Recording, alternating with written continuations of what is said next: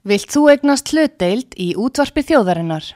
Sendu tölvupóst á hlutabref at útvarpsaga.is eða ringdu í síma 533 3943.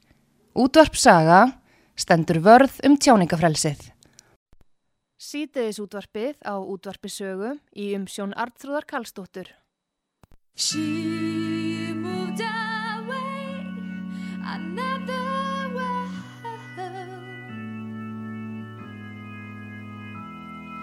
She could fly away.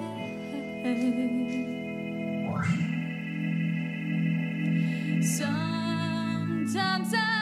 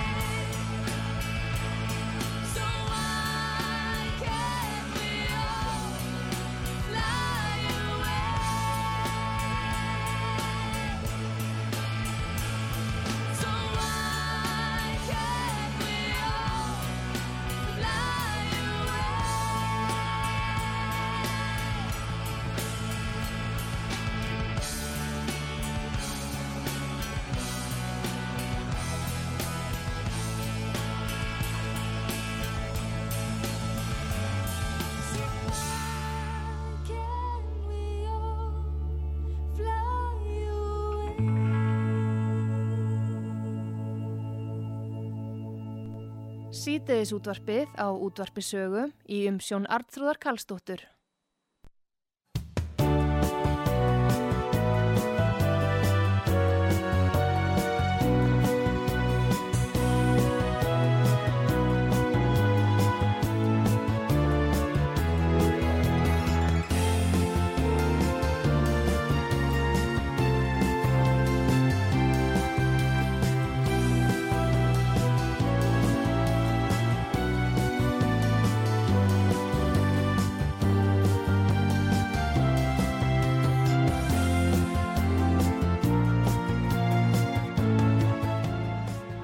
Komið þið sæl eftir að hlusta út á sögu Artrúðu Kallstóttir helsar ykkur. Að þessu sinni komið til mín Sigvartur Björgvinsson fyrir um uh, þingmaður og ráð þeirra alþýðuflokksins.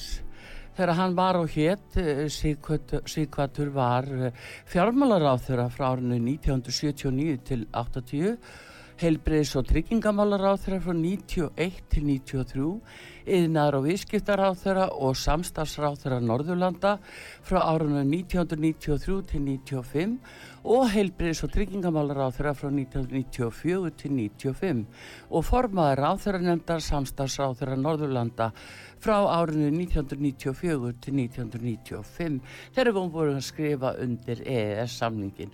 Góðan dag Sigvartur Björgvinsson og velkomin á Já, útvarsögu. góðan daginn og þakka þið fyrir. Heyrðu, það er nú gaman að taka móti þér og svona þessum mönnum sem að muna nú tíman að tvenna í íslensku þjóðlífi og uh, svona reynslu boltar.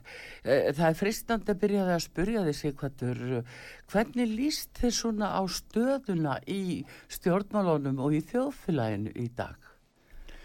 Hún er mjög erfið, erfið við að hást og því miður að þá held ég að uh, það hjálpi ekki til hvernig skipulagið er háttað af alþingi Íslandinga. Já, nú situr ekkit allþingi og það er engin ég meina nú það, ríkistjórn. það að, að, að, þegar það sess niður eftir þá niðurstöðu sem að kjörbrjáfinni kemst að hver sem hún verður, Já, þá er, eh, er erfiðleikum líka þar að mæta. mhm, Vegna þess að þar eru ekki margir kostir því miður. nei, og þá á ég við það að sko, það eru raunverulega tveir kostir í stöðunni annars vegar áfra, áframhaldandi stjórnarsamstarf með tveimur stórum flokkum og einum litlu vinstri flokki og hins, hinn kosturinn er samstarf sex, nei, fjö- fjögura til fimm stjórnmálaflokka. Lítilla flokka sem að eru byggðir upp af uh, fólki sem hefur ekki mikla reynslu af uh, hérna, set, setu í ríkistjórnum og þeim vandkvæðum sem þar þarf að leysa. Og reynslan hefur bara því meður sínt okkur það að slíkar stjórnir verði ekki langlífar á Íslandi. Nei. En þá, sko, nú er allt útleitt fyrir að þið muni mynda ríkistjórn, sjálfstæðisflokku, framsókn og vinstri grænir. Já, það verður áfram. Það er svona flest teikn á lofti í þá En veruna. það er ég að segja það, það er ekki margir aðrir kostir. Nei, Það er- þið finnst það ekki. Nei, mér finnst það ekki því að því eins og ég segi, það er annar kostur væri sem væri þá korki með sjálfstæðisflokki og framsókn eða með öðrum þeirrum flokki að segja framsókn.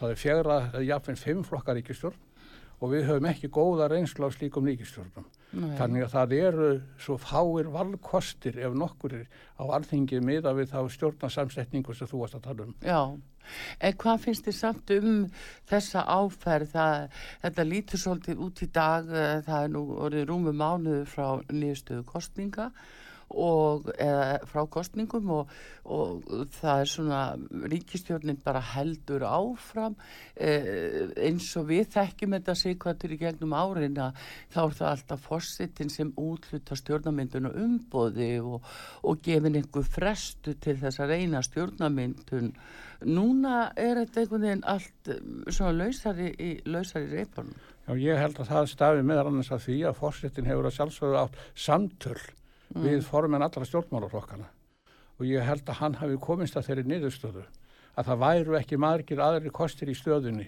heldur en þeir sem eru verið að reyna við núna. Og allavegana ef að hann ekki gengi að þá er þið mjög erfitt að finna nýjan, nýjan kost við það. Þannig er ég ekki að rósa þessu ríkistjórnarsamstæði sem verið hefur. Ég er bara að horfa á þetta uh, eins raunsætt eins og... eins Bara kalt mat. er Kalt mat já. og þetta er mitt kalda mat. mm. Uh, Hinum megin við borðið, stjórnaranstöðu megin, eru nokkurir litli flokkar sem að hafa því miður ekki mikla reynslu af störfum í stjórnmálum, stjórnmálastörfum og ennþá minni reynslu af þeim störfum sem að uh, verða að vera unnin í ríkistjórn. Svo þess að því miður þá held ég að við stöndum frammi fyrir því að það eru nánast engir aðrir kostir heldur en þessi kostur sem er ekki góður að mínum mati en er eini kosturinn sem virðist vera. En um, þetta er nokkuð ómennileg staða. Uh, Rekkur þú minni til þess að það hafi dreigist svona mikið að koma saman uh, eila þingju og ríkistjórn út af uh, einhverju klúri í sambandi við ta talningu eða niðurstöðu? Nei, og mér hefði heldur aldrei dottið það í hug að formaður kjörst, yfir kjörstjórnir í Norðlands kjördæmi vestra myndi segja að það er hefð í þessu kjördæmi fylgja ekki lögum. Mm. Það að formaður yfir kjörstjórnar sé jáfnvægt dómari skuli segja það að það sé ekki, ekki hefð í þessu kjördæmi að yfirkjörstjórn fylgir lögum. Þe- Þetta er náttúrulega alveg skelveleg yfirlýsing og gerir það að verkum að það er alveg sama hver niðurstaðan verður, þá verður aldrei samkomulag um hana. Það verður áframhaldandi vantröst á þessum kostningum og verður ekkert samkomulag um niðurstöðuna sama hver hún verður. Þannig að þeir sem að, að verða sannlega með viðkend kjörbref og, og samþykki alþingis að þeir þurfi kannski að starfa við það að hafa alltaf þessa vantrú eða tortrykning ávænt. Já, það var uh, til um þá, samin um þá sko sérstætt heiti sem að mun fylgja þeim, þessi fimm þingmannum hverju svo sem þeir verða. Þeir verða að kalla þeir ekki varaþingmann, heldur vafaþingmann. Já, Það er að segja að það verður þá aðarþingmenn mm, og varaþingmenn og vafaþingmenn og það er ekki gott og því miður þá held ég að gaggrínin verði á þessum nótum áfram gagvart þessum fimm alþingisfönum hverju svo sem þeir verða og á alþingi sjálfur. já. Þú talar um formann yfirkjörstjórnar að hans gískoti til venjuréttar og til venju og hefða í sambandi við hans eh, svona eh, skipulagningu og, og, áferða, og meðferða á kjörgögnum. Eh, Það er líka annað sem að tekur eftir að það er fórstitt í Íslands. Hann vitnar í hefðu, hefðir og venjur þegar hann segir að, að eh, ríkistjórnin þurfi ekki að hafa formlegt stjórnarmyndun umboð. Minnist, minnist þú þess að okkar fyrrum fórsetar hafi ekki alltaf uh, afhengt stjórnarmynduna umboðið? Nei, ég minnist ekki til þess að ég minnist eins og að þess að menn hafi uh, rætt saman um stjórnarmyndun og jáfnveg náðu lendingu án þess að hafa umboð frá fórseta. Hafi ekki óskað eftir umboði frá fórseta fyrir en þeir voru búin að ná saman. Já, Og það gerðist til dæmis í ríkistjórn til að Davís Oddssonar og, og Jóns Baldvins. já, viðeðastjórninni. Já, já. þannig, þannig að, að, að, þeir voru ekkert að býða eftir því að fá eitthvað umboð. Þeir þeir- fóru bara út í viði Þeir og fóru bara út í sömdu. viðegi og lögum málunum þar. Já.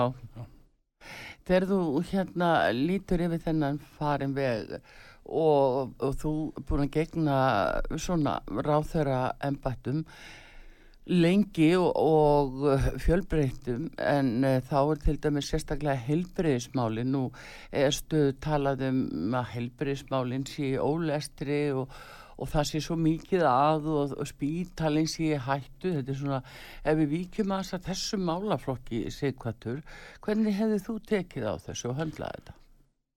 Það er svo margt í kringum helbriðismálinn sem að eh, er brinnuð sína leysan hefur ekki verið leist. Uh, við skulum taka bara dæmið um nýjan spítala. Uh, auðvitað var þörf að byggja nýjan spítala. Mm En það var þörf á miklu meiru í kringum það. Það var þörf á því að gera þau ráðstafri til að manna þann spítala.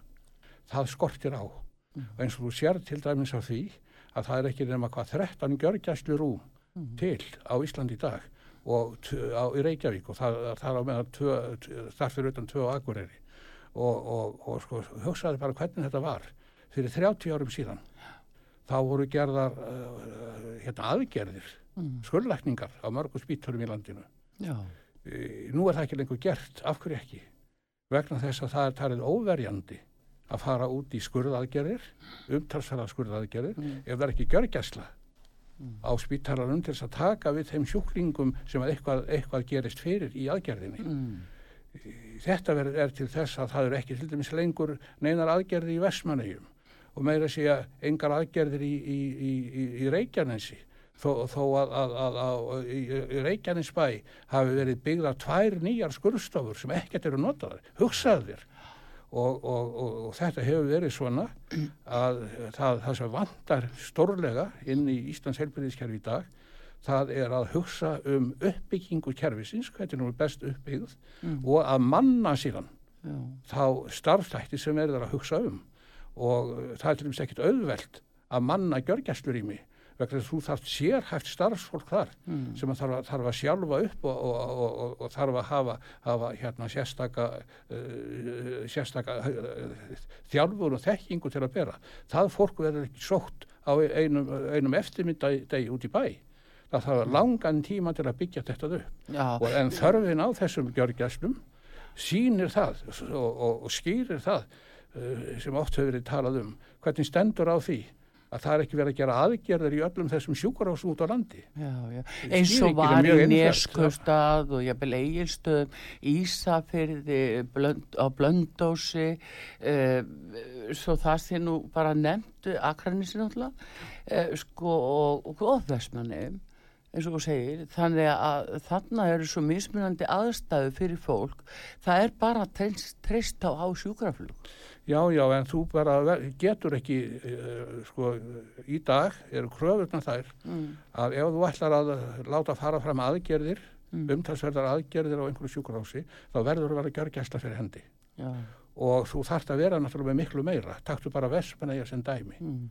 Uh, fyrir nokkur árum síðan þegar ég fylgdist með, þá dæmis engin svæfingalæknir í Vestmannaeyjum. Mm. Það þurfti að sækja svæfingalæknirinn til Akureyrar vegna þess að Vestmannaeyingar hafðu sérstakar samning við sjúkrás og Akureyri að það Akureyri myndi leggja til svæfingalæknir. Og hvort heldur það sín auðveldara? Að fara, fara með hérna, sjúklingin sem þarf uppskur, á uppskurða að halda til Reykjavíkum með flugi eða sækja svæfingalæknin til Akureyrar? Vegna þess að það er ekki hægt var ekki hægt að framkvæma neina, neina, neina, neina aðgerðir á sjúkrásinu Vestmannegjum nema það var svæfingalæknin til staðar Mm. og auk þess ekki hægt að framkvæma neinar umtalsverðir aðgerðir þar nema þessi gjörgæsla á staðinum og vandinu við þetta til dæmis í sambandi við þessi, þessi samskiptin við uh, eins og við klíningin á Jármúla sem getur auðveldlega tekið við miklu, miklu fleiri uh, hérna, uh, sjúklingum heldur en landsbítarnir ræðu við. Vandamáli þar er að það er engin gjörgæsla ef eitthvað kemur fyrir, þá verður að senda sjúklingana í gjörgæslu með þetta á landsbítarnum. Þess vegna er það mín skoðun og það sé miklu hendura að landsbítarinn sjá um samningagerð við klíninginu í Ármúla heldur en uh, sjúkratryggingar eða, eða tryggingastofnun vegna þess að, að landsbítalinn verður þá líka að gera ráðstafina til þess hvað á að gera við þá sjúklinga sem að fara inn á aðgerð í, í, í, í leiðskiptum til dæmis í, í, í, í klíninginni sem að, sem að uh, verða fyrir erfileikum í, í, í eða eftir aðgerð. Og til dæmis í þau sjúkrahús þar sem að þetta fólk er sendt á út í Svíþjóð sem að vera að tala mikið um sem að ekki fá aðgerði hér í landsbítarunum og þau eru öll þau eru öll með gjörgæslurými. Þannig að það er ekki gerðar svona aðgerðir nema það sem að gjörgæsla er fyrir hendi já, það það. vantar stórlega hér, hér, og þetta, þetta En er eitt af því sem hverju hefur þetta breyst? Er þetta uh, sparnarsjónamið eða uh, Nei, er nei. Þarna, hvað er þarna? það, það, það er breyst út af kröfunum. Svo áttur það á því ég eh, starfaði nokkur ári í Afríku. Mm, þar dó fólk yfirleitt ekki af þeim sjúkdómum sem fólk deyra á á Íslandi. Því það var löngu dáið áður að það fekk þá sjúkdóma hér á Íslandi lifum við alltaf lengur og lengur. Mm, og það verður alltaf, alltaf sem sé erfiðara og erfiðara mm, að sinna veikindum þeirra öldruðu. Eða þeirra, það- þeirra sem að eitthvað er, er, er, er, svona erfiðleikum við. Og, og við getum sinnt í en við getum verðum líka ekki bara að gera aðgerðina. Við verðum að sinnt sjúklinum á eftir með það sem hann þarf. Það vantar okkur stórlega. Ég geti trúa því að það vanti svona tvisa til þrisa sinnum fleiri gjörgæslurými í, á Íslandi heldur en eru til staðar. En það er ekki bara gjörgæslurýmin sem vantar því þannig fljótt þetta byggja slikt allt starfsfólkið. Það vantar allt starfsfólkið til þess að manna þessar stöður. Og ég veit að til dæmis á landsbítalum í dag er álægið á marga lækna með ólíkindum. Með ólíkindum. Þú þurfa að vinna sækja hérna vinnu utan síns eðlilega starfstíma í miklu mæli og fá oft ekki mikið borga fyrir það já, já. En það er nú einmitt að nefnið þetta sigkvatur að það er svona spurningin um þessa heildaði yfir sín og stjórnun, þetta er auðvitað fjölmart starfsfólk, hvað er ekki um 6.000 mann sem starfa á landsbítarum eða hvað það er. Eh, Þú sannlega mannst þann tíma, þú ert ráþæra til 1995 þegar verða síðan ríkistjórnarskipti, sjálfstæðarsflokks og framsóknar sem taka við og í kjölfar þess er ákveðið að samina spítalana frá því að borga spítali yfir í landspítala og, og þetta er bara einn og samiðli í spítalin. Eh, heldur að þessi ákveðun og framkvæmdin frá árunni 2000 að hún hafi byrjið sér röng? Hefur þetta gengið betur eða þetta bara hefði verið í gamla forminu? Borgarspítali, landspítali? Ég veit að ekki hvort það væri betra að hafa tvo landspítala í Reykjavík frekar heldur að hafa það einn. Ég er ekkert viss um það. Hins vegar var, voru þeir þrýr, því að landakot var líka. Jú. En landakot var rekið allt öðru vísi. Mhm. Landakot var rekið þannig að ríkið borgaði rekstrakostnaðin. Mm. Læknarnir voru hins vegar sjálfstæðir innan spítalans Já, og þeir fengu greitt sérstaklega fyrir hverja, hverja aðgerð. Já, Þannig að, að það, það uh, var fyrirkomulag sem ekki gekk lengi, lengur upp, í miður. Já, en það er hins vegar svona spurningin af því að nú eru settir uh, gríðarlega miklu fjármunir í tilhelbrísmála, ef við bara skoðum það út frá fjárlögunum, að þá eru þetta erðnamertir uh, heilmikli peningar til helbriðismála. Alltaf er þetta spurningin um eigandahöndina og eftirfylgni og eftirlit með því hvernig fjármunni nýtast best.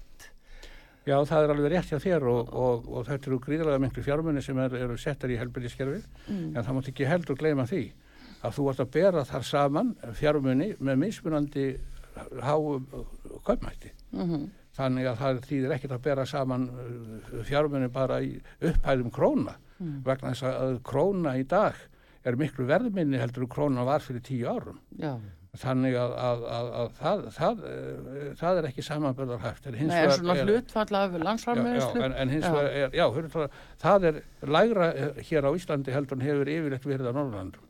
Já, og innan. Já. já. En, en hins vegar uh, sko er bráðin auðvitað að breyta kerfinu þannig að í staðin fyrir það að það sé fastar fjárveitingar að ræða eins og nú er, Mm að þá komi fjárveitingarnar eh, í takt við það sem verður að gera á spítalarinn. Mhm. Það að segja að það gerist eins og, eins og, hérna uh, þannig að spítalinn fái greiðslur í samræmi við þá vinnu sem hann leggur fram Já, og þeim er meira, meiri framlegð sem að verður í spítalanum þeim mun herra, herri kostnaður Já. það er hann endurgreitan. Þetta er miklu skinsamlegra og þetta þarf að, þarf að ná yfir alla þjónustu uh, hins ofinbera í, og líka eh, rekstur hérna sjálfstæða lækna. Það er náttúrulega ekki nokkur í átt að einn og sami maður skuli geta verið starfsmæður hjá ríkispítala halvan daginn og síðan halvan daginn starfsmæður á sinni eigin engastofu og geti vísa sjúklingum sem hann tekur á móti sem landsbítalalæknir til eftir meðferða til sjálfsín. Þetta er ekki nokkur í átt. já, en gæti það ekki verið vilji sjúklings?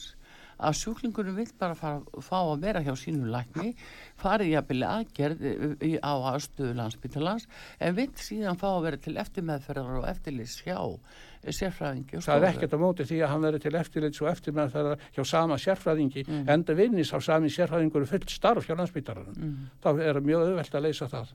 En, en, en, en, hitt, þú getur bara rétt ímyndaður það. Nú eru margir eh, lögmenn sem að starfa hjá útlendingastofnun. Hvernig, hvað heldur þið sagt?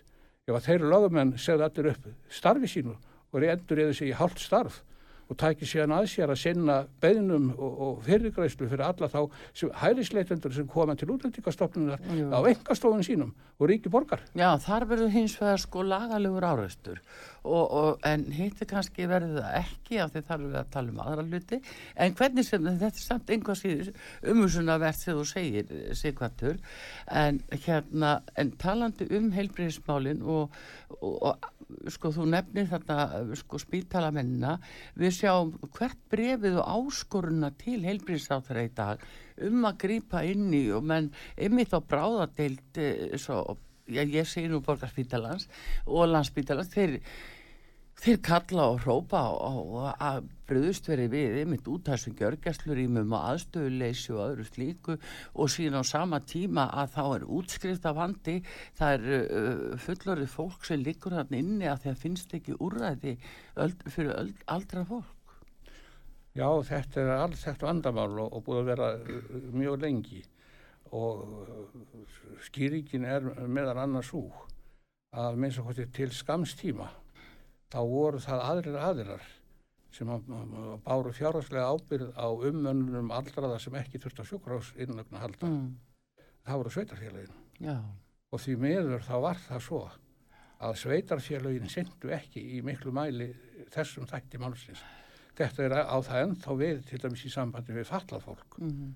að það eru mörg sveitarfélag sem ráða ekkert við það að veita því þá þjónustu sem, sem þeim er skilt að, að veita og, og meðan að þetta er þannig að, eða hefur verið þannig að he, heimaþjónustan uh, það er að, aðrir aðra sem sinna því heldur en ríkið þá verður mjög erfitt að, að, að ná jafnvægi þarna í því að sko dýrasta lausnin Mm. sem við ekki á vandamálum eldrafólks dýrasta og jafnframt að mörguleiti óeðrilegasta lausnin er að byggja fjöldanatan á hjókunarheiminum. Það er miklu auðveldara og ódýrara og miklu þóknarara eldrafólkinu að hjálpa því til þess að búa heima eins lengi eins og það getur og vill. Já, svo eru náttúrulega aðri sem að hafa ekki sitt eigin húsnæði og eru kannski meira þeir í þeim hópi sem að eru fastir inn á spítara og, og það hefur komið fram svo hugmynd sem er nú gjarnan kent við Helga í góðu að lífyrirsjóðnir mættu grípa til þeirra skildu að, að byggja eitthvað ákveðið magna öldrunarheimilum á hverju ári. Finnst þið það vera lausn, er þetta raunhæft? Vandin er, þarna er sá að til þess að lífeyrisjóðin geti staðið til skuldbindingum sínum Mm. þá verða þeir að ávasta sitt fyrir og ná uh, 3,5% raun.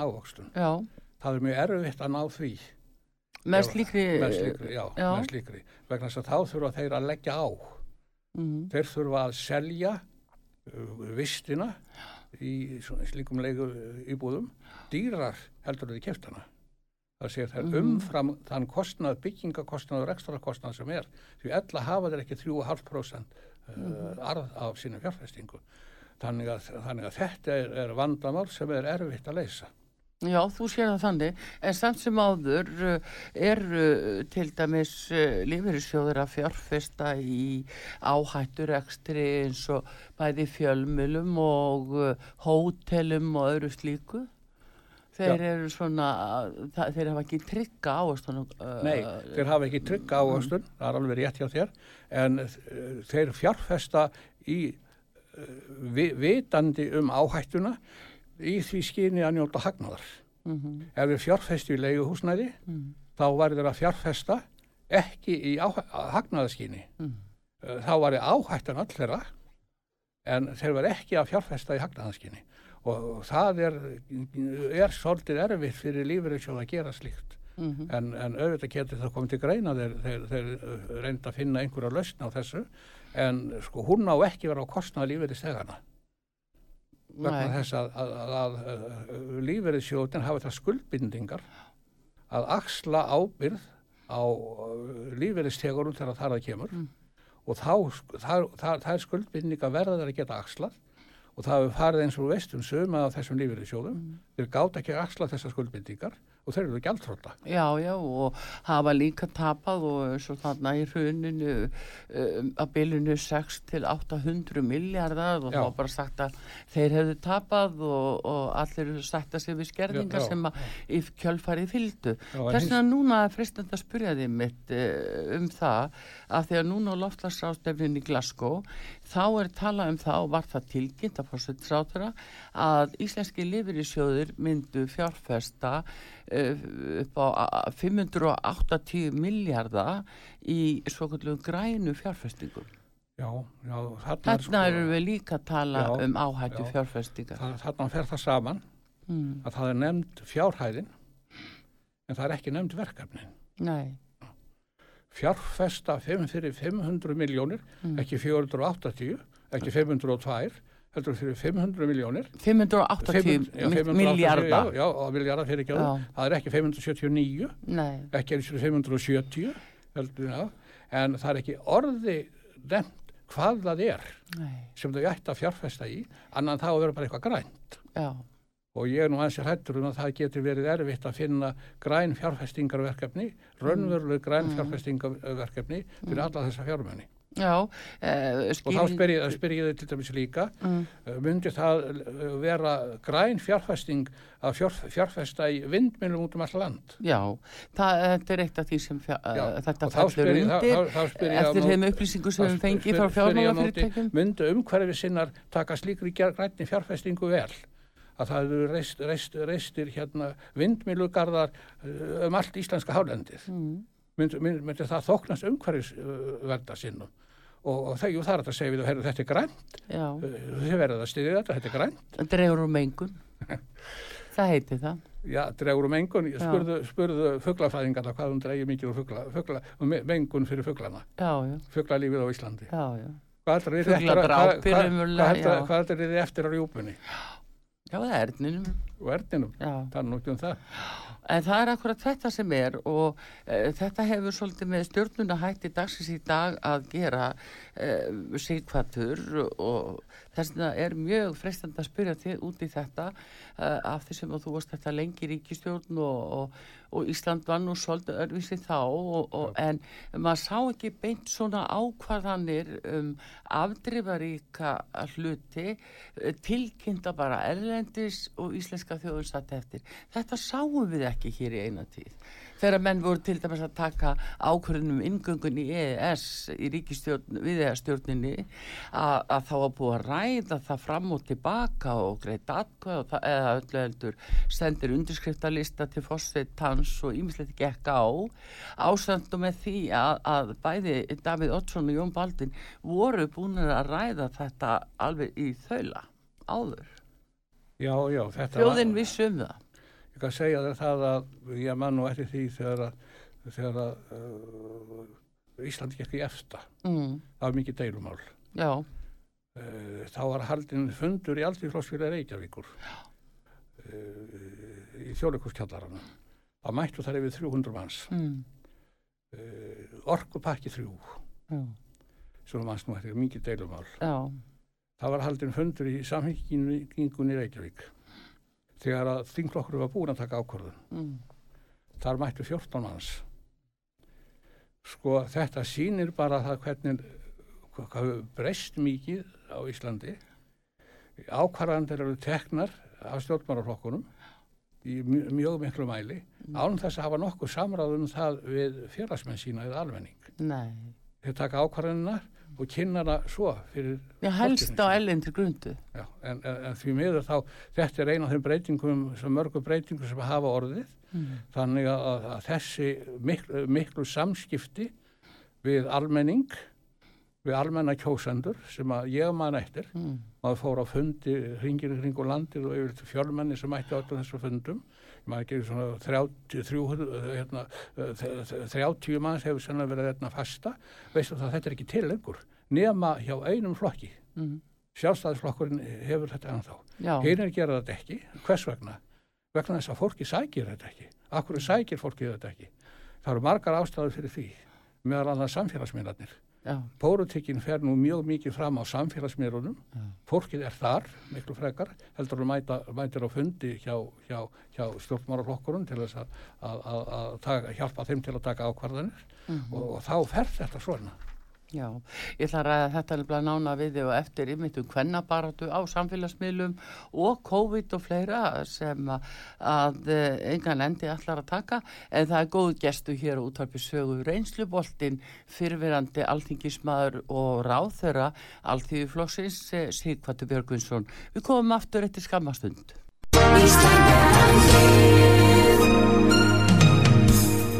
Styrtareikningur útvarpsögu í Íslandsbanka á Granda. Útubú 513, höfubók 26, reikningur 2.11.11. Nánari upplýsingar á útvarpsaga.is. Takk fyrir stöðningin. Sýteðis útvarpið á útvarpisögu í umsjón Artrúðar Karlsdóttur.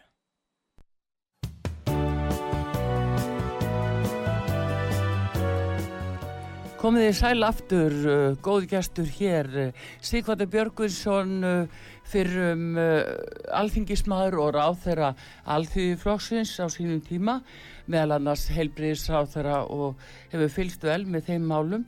Og uh, þau eru auðvitað alltaf í deglunni Sigvartur og núna hefur auðvitað skapast uh, óvenjulegt ástand fyrir heilbriðis ráþeira eins og það að fá þennan heimsfaraldur uh, og þurfa að grípa til viðbráða og sumi segja þessuna er nú allt eins og það er í helbriðismálunum, aðri segja það er nú ekki, þetta var löngu komið en uh, fá gjörgjastlurými segið þú Eh, hvernig myndir bregðast núna við út af þessum faraldri? Nú stendur bara til að fara að sprauta fólk með þriðju sprautinu og enginn raunverulega veit hvaða afleðinga það hefur. Sko, í fyrsta lagi þá hefa umræðurnar því miður einkennst af gagnstæðum fullirðingum. Þessi fullirðir þetta gegn bólusetningunum, hinn fullirðir hitt. Það sem að vantar er að leiða þetta saman.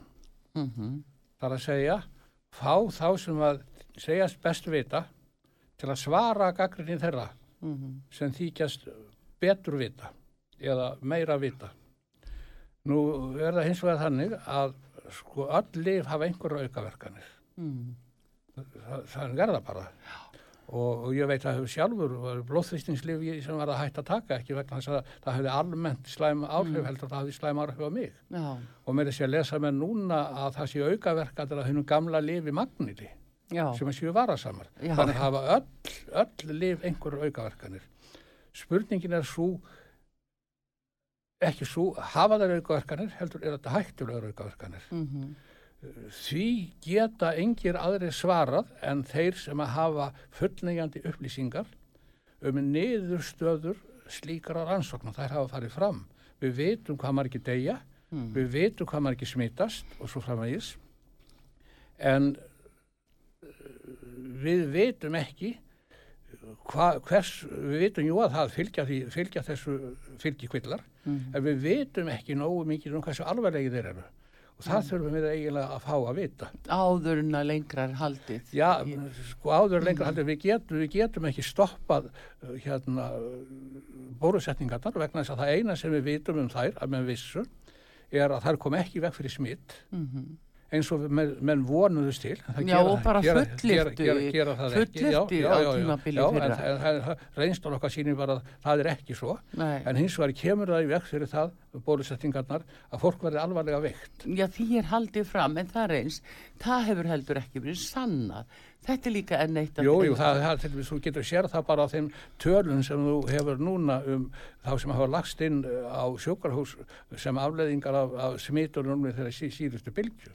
Að það er allt annað, allt önnur meðferð sem að, eh, eða allt, allt önnur uh, veikindi sem að hrjá þá sem hafa fengið bólusetningu en smitast samt og orði veikir heldur en þeir sem hafa verið óbólusettir. En Þa- takki það ekki lengri tíma að búa til marktæka samanburðaransókn á því vegna þess að einhver tveir einstaklingar eru eins. Já, en á meðan að við býðum eftir því, eins og þú segir, auðvitað verða tímin að leiða það í ljós, að meðan að býður eftir því, megum við ekki hætta að reyna að vernda sjúklinga. Nei, nei. Við megum ekki hætta Nei, því.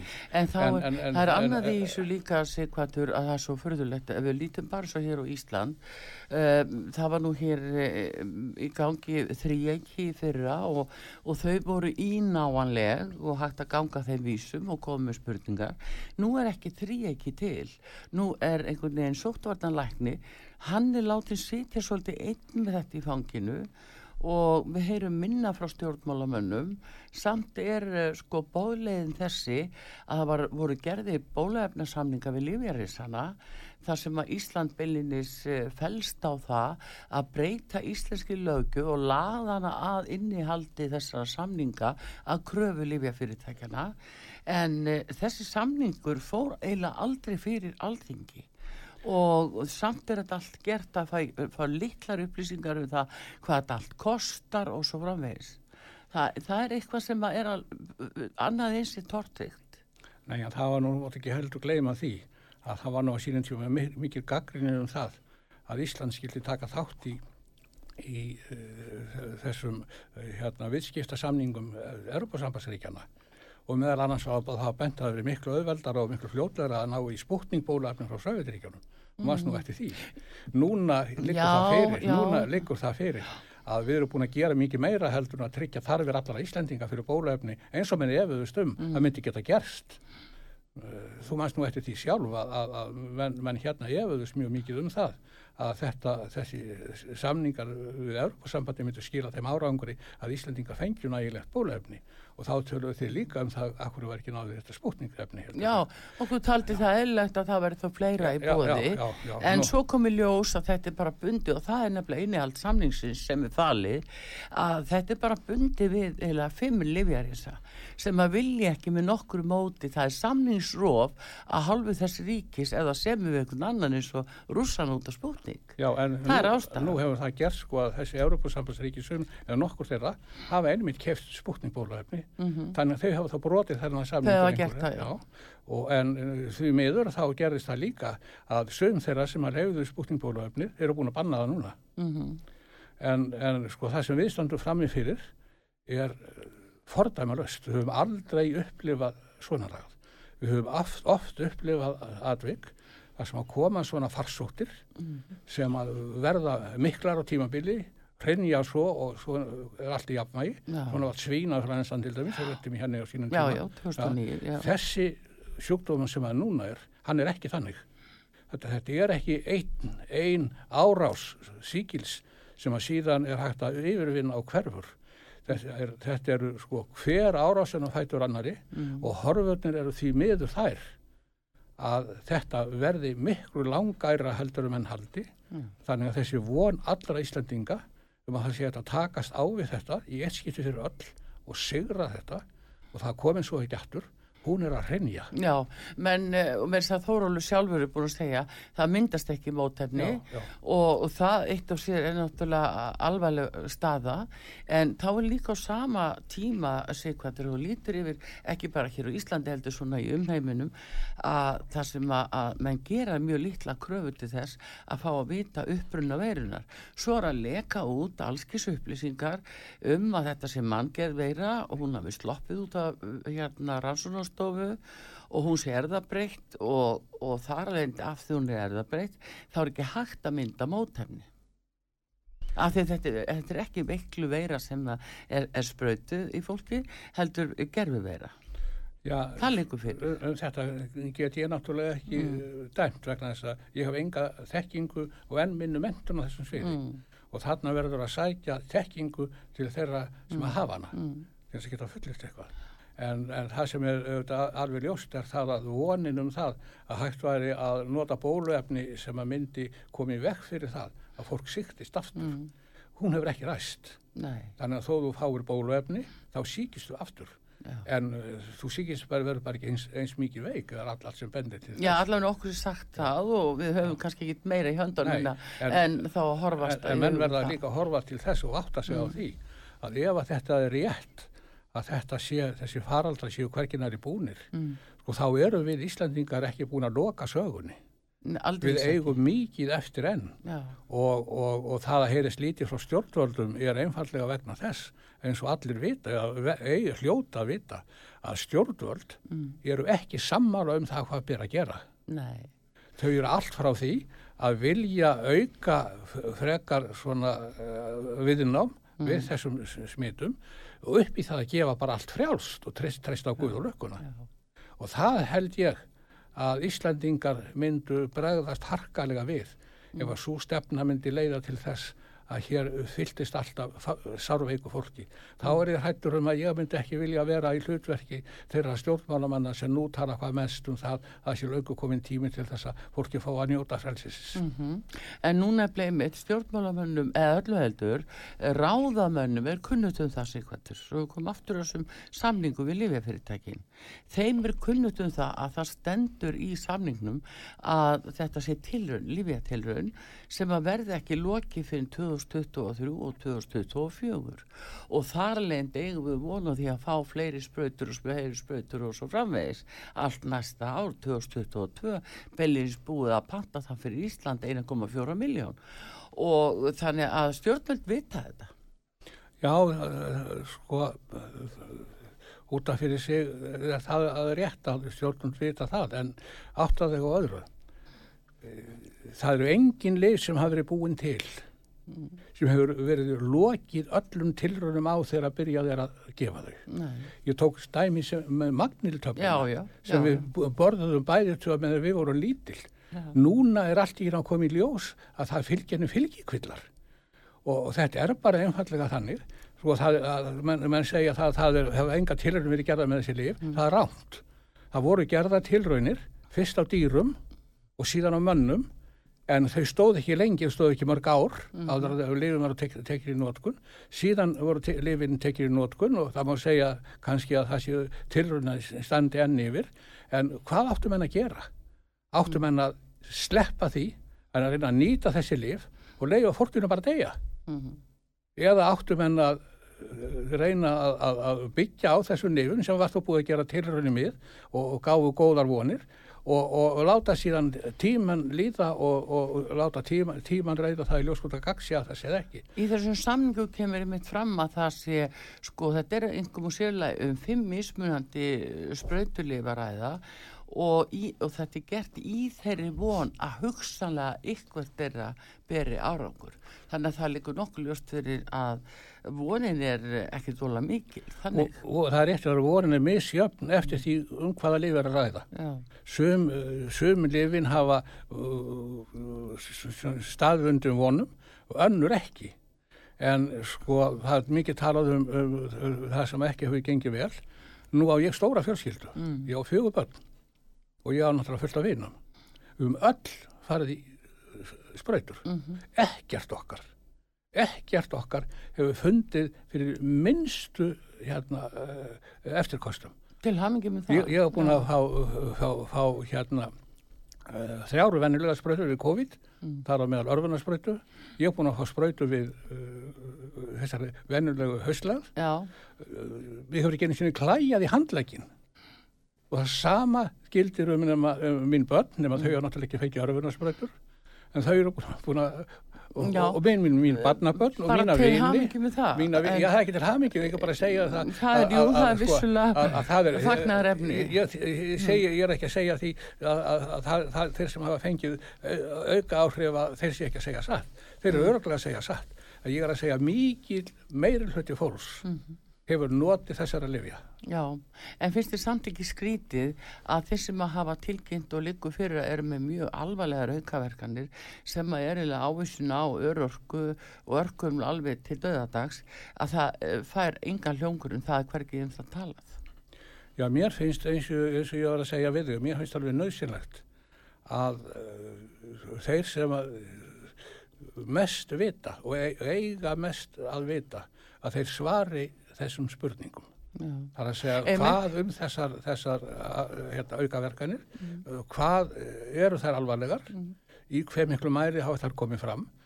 Sko, það er erfitt að sko, standa bara gegn tveimur gagstæðum fulleringum akkurat. án þess að fá svarið frá einhverjum sem Já. er til þess Æfa við eh, ljúkum þessari umræðu en þá langum við að spyrja að því að nú blasir það við að það fæsir er búið að láta samþykja uh, sprautuefni fyrir börn uh, 5 til 11 ára finnst þér að eigi að fara í barnasprautun með tilhörunarefni? Ég hef ekki þekkingu til að svara því, en ég veit það bara, það eina sem ég veit er það að meðal þeirra fáu sem liggja nú inn á, á spítalanum mikið veikir er eitt barn. Mm Og ég er alveg samfærið um það að fóræðar þess barn sem vindu heldur hafa viljað að það hefur feikið sprautur heldur að það er veikt.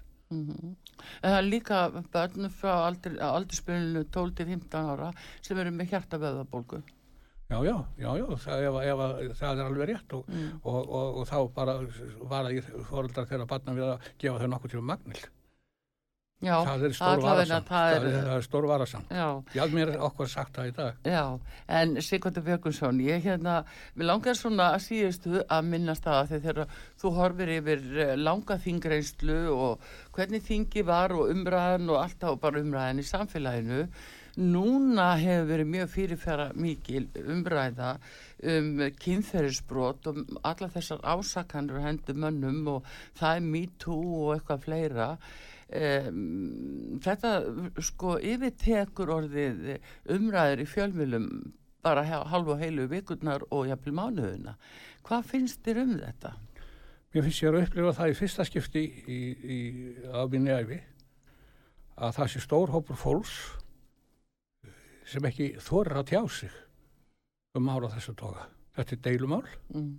og það er stór hópur fólks sem að reynir að forða sér frá því að þurfa að tjá sig. Eh, Ef þú spyrðum mína afstöðu, þá er hún akkar einföld. Eh, Við lifum í eh, samfélagi, það sem að það er grundvallarregla að sér hver hverju skuli telja saklaus uns sekta sönnuð. Það er grundvallarregla í réttaríki. Og þá re- reglu eigum við að virða.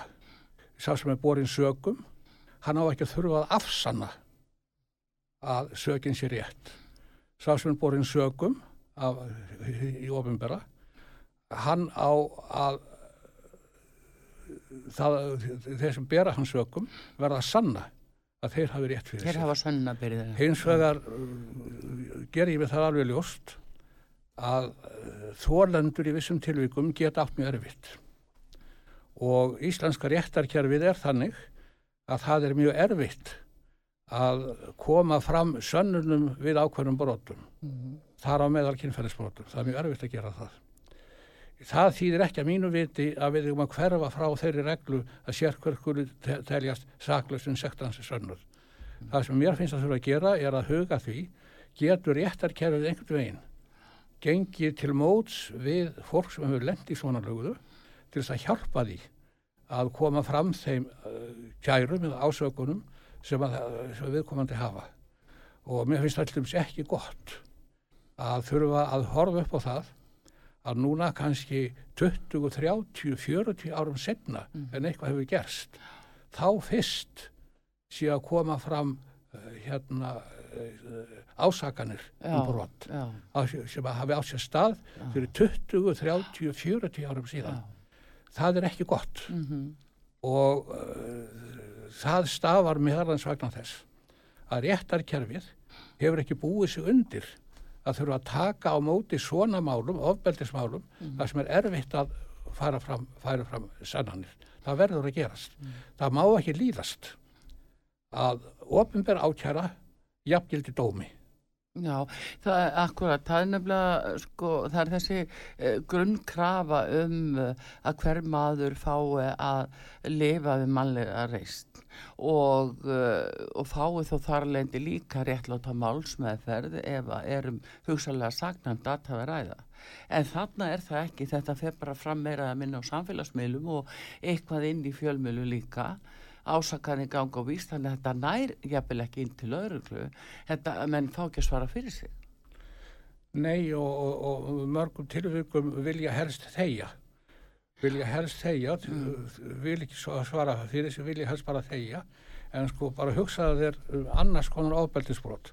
Við kunum segja það að einhver kall hefði orðið fyrir því að hann verið lamin. mm Og hann sé síðan að komi ákæru um það átján árum síðar. já, Hugsaðu hvað heldur að hafi, myndi vera sagt við þann, þann mann, kall eða konu, já, sem að kæmi átján árum eftir að atbyrðin gerðist þess að Já. kæra einhvern þeirra að hafa lamið sig. Ha, Þannig að þetta er, þetta er nær ekki nokkur átt. Og, og ég skil mjög vel eh, hérna þólendur þessa, þessa atbyrða en, en það, já, það sem ég ekki skil það er ef að þórandi sem hefur verið lamin kæmi átján árum síðar og ásakaði þann sem að hann segði hafa lamið sig fyrir, fyrir, fyrir það að hafa sínt sér slíkt ofbeldi? Já, já, já. Og En- síðan, og síðan er, er viðkomandi dæmdur eftir átján ára uh, byr í, uh, í, í samfélagsmiðrum. já, Hjálpi mér bara. Já, já, það er akkurat þetta sem blasir við okkur og maður, uh, sko, það hefur líka heist síðkvættur að við svona kannski bæði sem unn og tíman að tvenna að uh, hérna að tala um að þetta sé partur af kvennabaratu. Uh, nú getum við farið bara jafnvel eh, 40 ára aftur í tíman, 30, 20 ár og, og til minnst hort á þingi, þá nú ekki kannski marga konur á þingi þá, en öll þessi stað á kvenriðtinda baróttan, hún hefur sko gengið alveg gríðarlega vel og við erum komnar á ofsalega góðan stað í dag konur, það búið að nást svo mikill árangur, en svo núna eh, getum við kannski margar sagt, þegar konur spila svona út á það að skemma eða kannski allt það sem að við hinnar og undan vorum búin að kannski að riðja brautina. Sko ég er alveg saman um það að barátt og hvenna er réttlætisbarátta Mm. og hún hefur skilað miklum árangri. Mm. hún er ekki að skila nægilega miklum árangri, það er ennþá ójafnrétti þar á myndli. En það að sko öll vandamál uh, einhver uh, kvenkins einstaklings sé einhverju feðraveld að kenna. Sko auðvitað má segja það að feðraveldi hafa alltaf verið til í meira að minna lagi. En sko var pappi þinn vondur maður? Nei, var, nákvæmlega. var, var, voru fórald voru feður uh, þessara hverna sem standa í barátunni gegn feðravildinu var þetta allt vond fólk Nei, einhvern veginn finnst manni það Nei, ekki vera. en, en hins vegar sjónarmiðið það sem að, að sem sé uh, hérna uh, hugarheimur kalla stóð ofar hugarheimur kvenna í, í, í þjóðfélagsmálum. Það er alveg rétt og það er bera, bera, hérna gegn því. En að, en að líta svo á að allir kallmenn séu einhverju glæpamenn og einhverju, brotamenn. Svo það, það, það gengur ekki auðvitað eru til brotamenn með að kalla en það er líka til brotamenn með að kvenna Já, já. En- en- þannig að sko, það er bara spurning, eh, er þetta nýja tegundin af pólitík, Sighvatur? Hvert eru við að stefna eins og bara í svona fámunni þjófélagi, hvert eru við að stefna með því að, að hér innbyrðist eru við að deila og drotna eh, hvert á mig og takast á um svona ásakanir og hluti, eh, hvert eru við að stefna? Sko, sko ég tel að rétt að hérna barátt að kvenna fyrir jafnrétti sé réttinda barátt Mm ég Og hefur alltaf verið. á að vera það. Já. en, en það er ekki, það er ekki nákvæmlega sama það sem hann kalla feminisma og jafnréttisbarátta. Vegna þess að barátta feminisma er barátta gegn þeir sem hann kalla vera karlaveldi. Mm. er ekki endilega barátta fyrir jafnrétti? Nei, hún er barátta á móti því sem þeir kalla vera forréttindi og kallaveldi. Já, og ég, ég, ég hef verið að spurt uh, konur, uh, góða konur sem að, sem að ég, ég þekki uh, sko sem- að tala svona sko var pappi þinn virkilega svona vondur maður? Er þetta þín reynsla af pappa þínum og afa þínum og, og, og, og öðrum kallkins uh, uh, skildmennum þínum að þetta sé alltaf með vond fólk og, og, og ha, hafi það aðalega í markmið að kúa þig? En er þetta pólitísk stefna einhvern veginn? Er, er þetta bara orðið innræting, pólitísk stefna sem er að koma upp í ungum konum? Ég veit það ekki sko. Ég, veit eiginlega ekki hvort ég þóra að segja þetta sem við hafa sagt um, um mig. Það sagt, mér hafa sagt, það var sagt við mig sko hefur það átt að því á því að um 70% af þeim fólki sem útskrifast á háskóla Mm. eru konur sem er í besta mál já, já, áttum á því hefur átt að því að margar af þessum konum er að útskrifast í greinum það sem er mikið frambóð af vinnuafli Mm. en lítil frambúð á st- starfstækifærum. Já, já, áttum á því. Heldur það geti verið að konundar sem áskrifast á háskólu og ekki hafa vinnu við hæfi kenni kallaveldunum? Ég, eh, svaraði ekki þeirri spurningu og ég, kasta henni bara hérna fram og býða til svari. Já, hann bleið það. Heyrðu, við látum það og spurningu vera bara áfram í loftinu, Sigvandi Björgvinsson, og við sjáum hvort við fáum svar við henni einhver starf úr uh, umhverfinu, en hérna, gaman að fá því alltaf yngað og bestu þakki fyrir komin að hinga til okkur út á sögu. Sigvandi Björgvinsson fyrir um alþingismadur og ráþeira, alþjóðuflóksins bestu þakkir og gangiði vel. Já, þakka þér fyrir og gangi ykkur vel. Takk fyrir og uh, ég ætla að minna á það að uh, Már Gunnarsson tólistamaður verður með þátt hér og eftir og síðan klukkan þrjú í dag þá kem ég aftur því að ég ætla að gefa bók núna svona fyrir jólinn og það er bókin uh, Styrjaldar árin á Suðurlandi.